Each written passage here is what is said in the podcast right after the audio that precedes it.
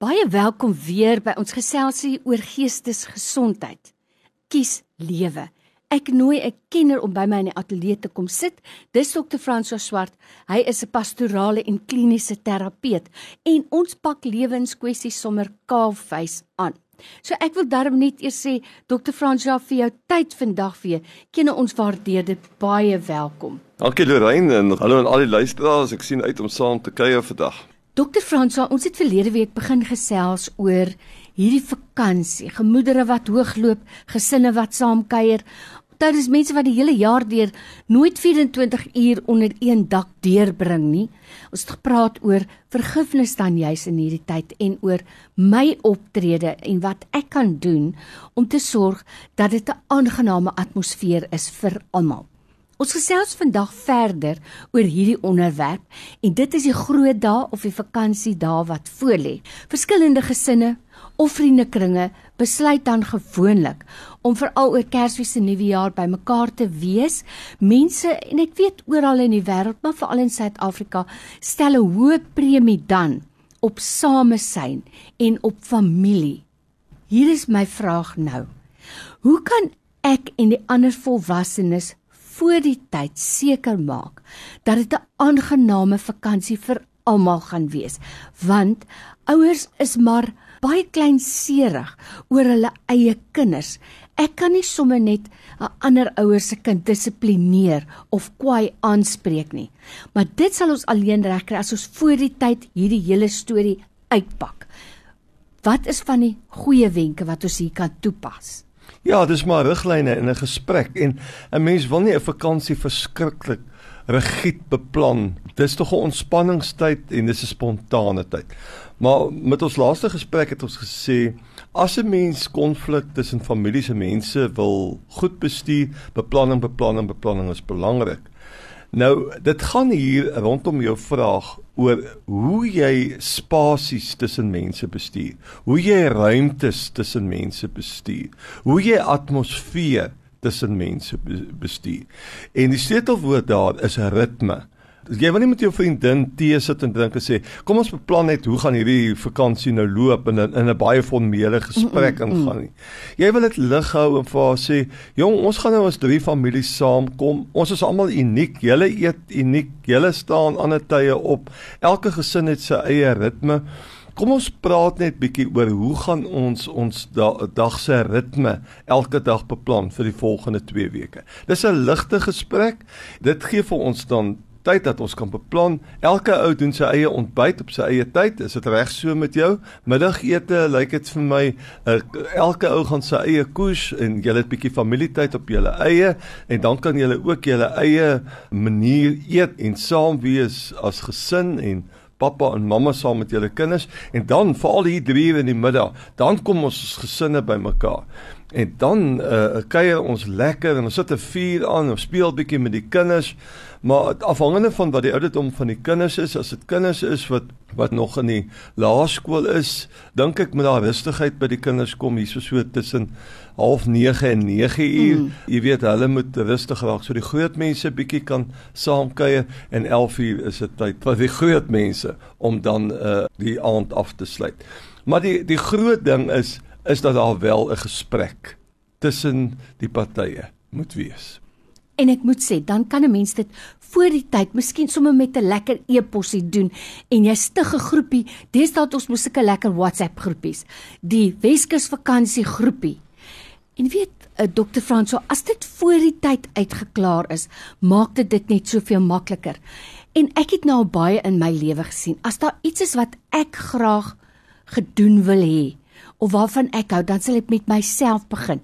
Ek hou daarvan dat as ek as dit nou my badtyd is, dat die badkamer netjies is. So ek sal begin deur te sê, luister ouens, ek sal sorg dat daar skoonmaak middels en sponsies en lappe is om die bad skoon te maak en die badkamer skoon te maak elke keer as jy klaar is en ek gaan sommer groot sakke neersit vir hele vuil wasgoed sodat die badkamer elke keer netjies is as elke ou klaar maak.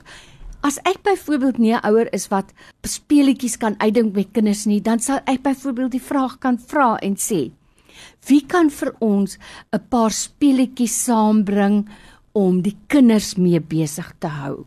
Met ander woorde, ek bring dit eerder vanuit my oogpunt. Maar ek dink die goue draad wat jy nou gesê het is beplanning, beplanning, beplanning. Maar nou weet ons mos nou, the best laid plans. Ek kan dit nou beplan sodat dit lyk soos 'n rose tuin, maar glo nou maar vir my. As jy in daai tuin instap, dan kom die klein goggetjies uit. Nou skree 'n kind, gryp iets by 'n ander kind af. Ehm um, storm die tafel voordat die groot mense daar's gryp die kos. Hoe dissiplineer of hanteer jy ander mense se kinders? Want soos ek gesê het, ouers is fyngevoelig oor hulle ou oor hulle eie kinders en ek persoonlik sal nie daarvan hou as iemand anders my kind dissiplineer nie of teregwys of kwaai is met my kind nie, nie waar nie. Ja, ek wil dan om die opmerking maak. Ek kan hom sien hoe rein ek werk met 'n vrou as ek met jou praat. Net net hoe jy gepraat het oor die praktiesheid van die badkamer en hoe 'n mens dit moet reël en die speletjies en dit hanteer. Jy het so prakties daaroor gepraat. Ek dink dit is waardevol vir ons almal en vir ons luisteraars. Om ander ouers se kinders te moet dissiplineer, moet daar 'n goeie verhouding tussen die ouers onderling wees. Mm. Hulle moet kontak sluit. Uh, het hulle die gemeenskaplike waardes rondom asseblief sê en dankie sê en wag jou beurt af en laat eers die groot mense kry of laat eers die kinders dit kry. Daaroor moet 'n gesprek wees. Het ons min of meer dieselfde waardes, maar die goue reël en ons doen dit baie keer in familieterapie. As jy moeilikheid het met jou skoonma of skoonpa, wees versigtig. Ons wil hê bloed moet met bloed praat. Mm -hmm. Dit is die goue reël in familieterapie. Ons wat van die kant af inkom as vriende of as aangetroudes, jy moet versigtig wees as jy oor die bloedgrense heen mm. gaan. Jy kan na jou geliefde toe gaan en sê, weet jy, dit wat jou ma nou gesê het, is ek ongemaklik mee en uh, en dan kan sy verder met hulle praat en dan kan daar 'n afsonderlike reëling getref word. Maar in 'n oomblik, ons weet almal met kinders, tree 'n kind verkeerd op, dan is die bloed ouer veronderstel om dan iets te sê. As jy dit nie meer kan hou as as 'n medevriendin nie, dan sal jy daai ouer moet eenkant toe roep en sê, weet jy, ek het 'n probleem. Kan ons net konsensus kry oor hoe gaan ons die kinders in hierdie hmm. tyd hanteer?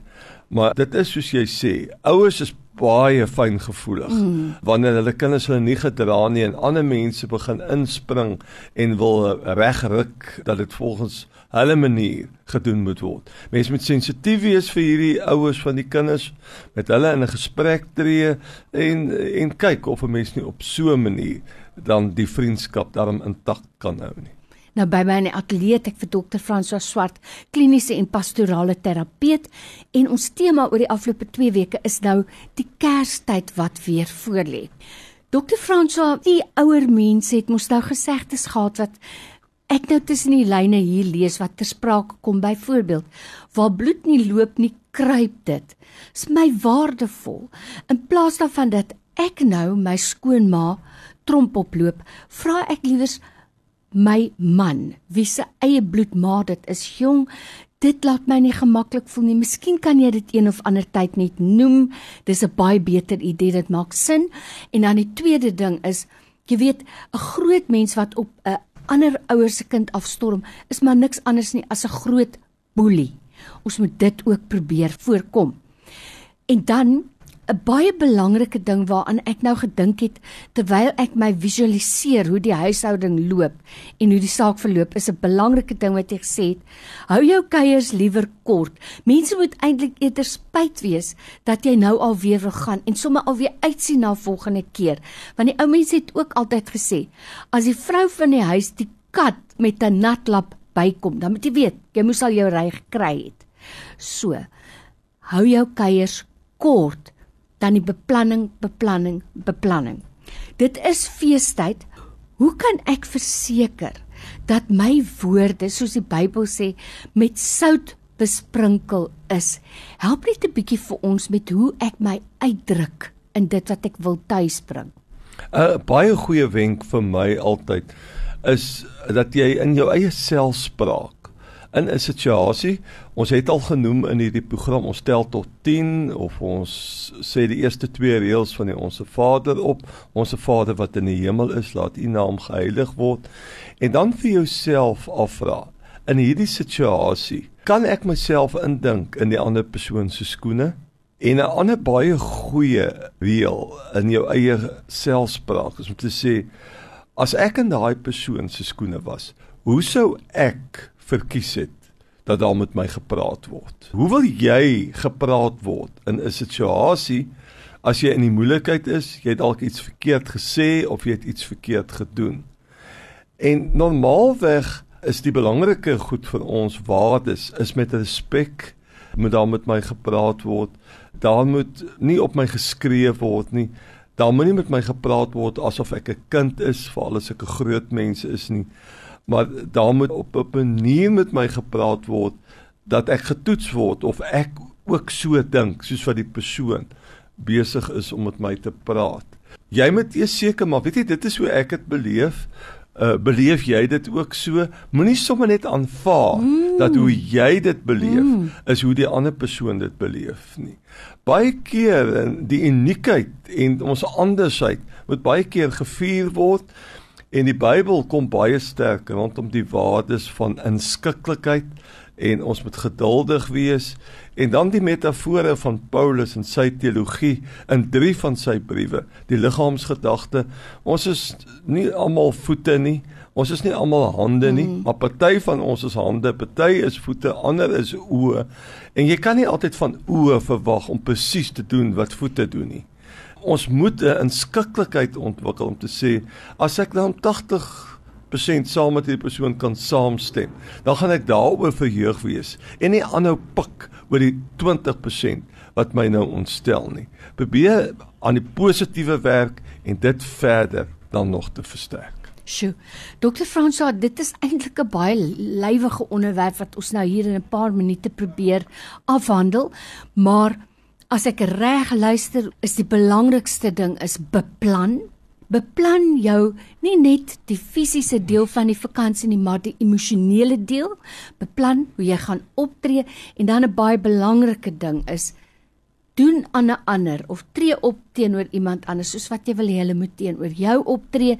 En dan die belangrikste ding is voordat jy enige iets vinnig sê of vinnig antwoord, tel tot by 10 dit gaan ver pad gaan om 'n heerlike vreugdevolle vakansie te verseker. Vir jou tyd weer vandag Dr. Frans, so baie dankie. Ons waardeer dit. Dankie en groet aan al die luisteraars.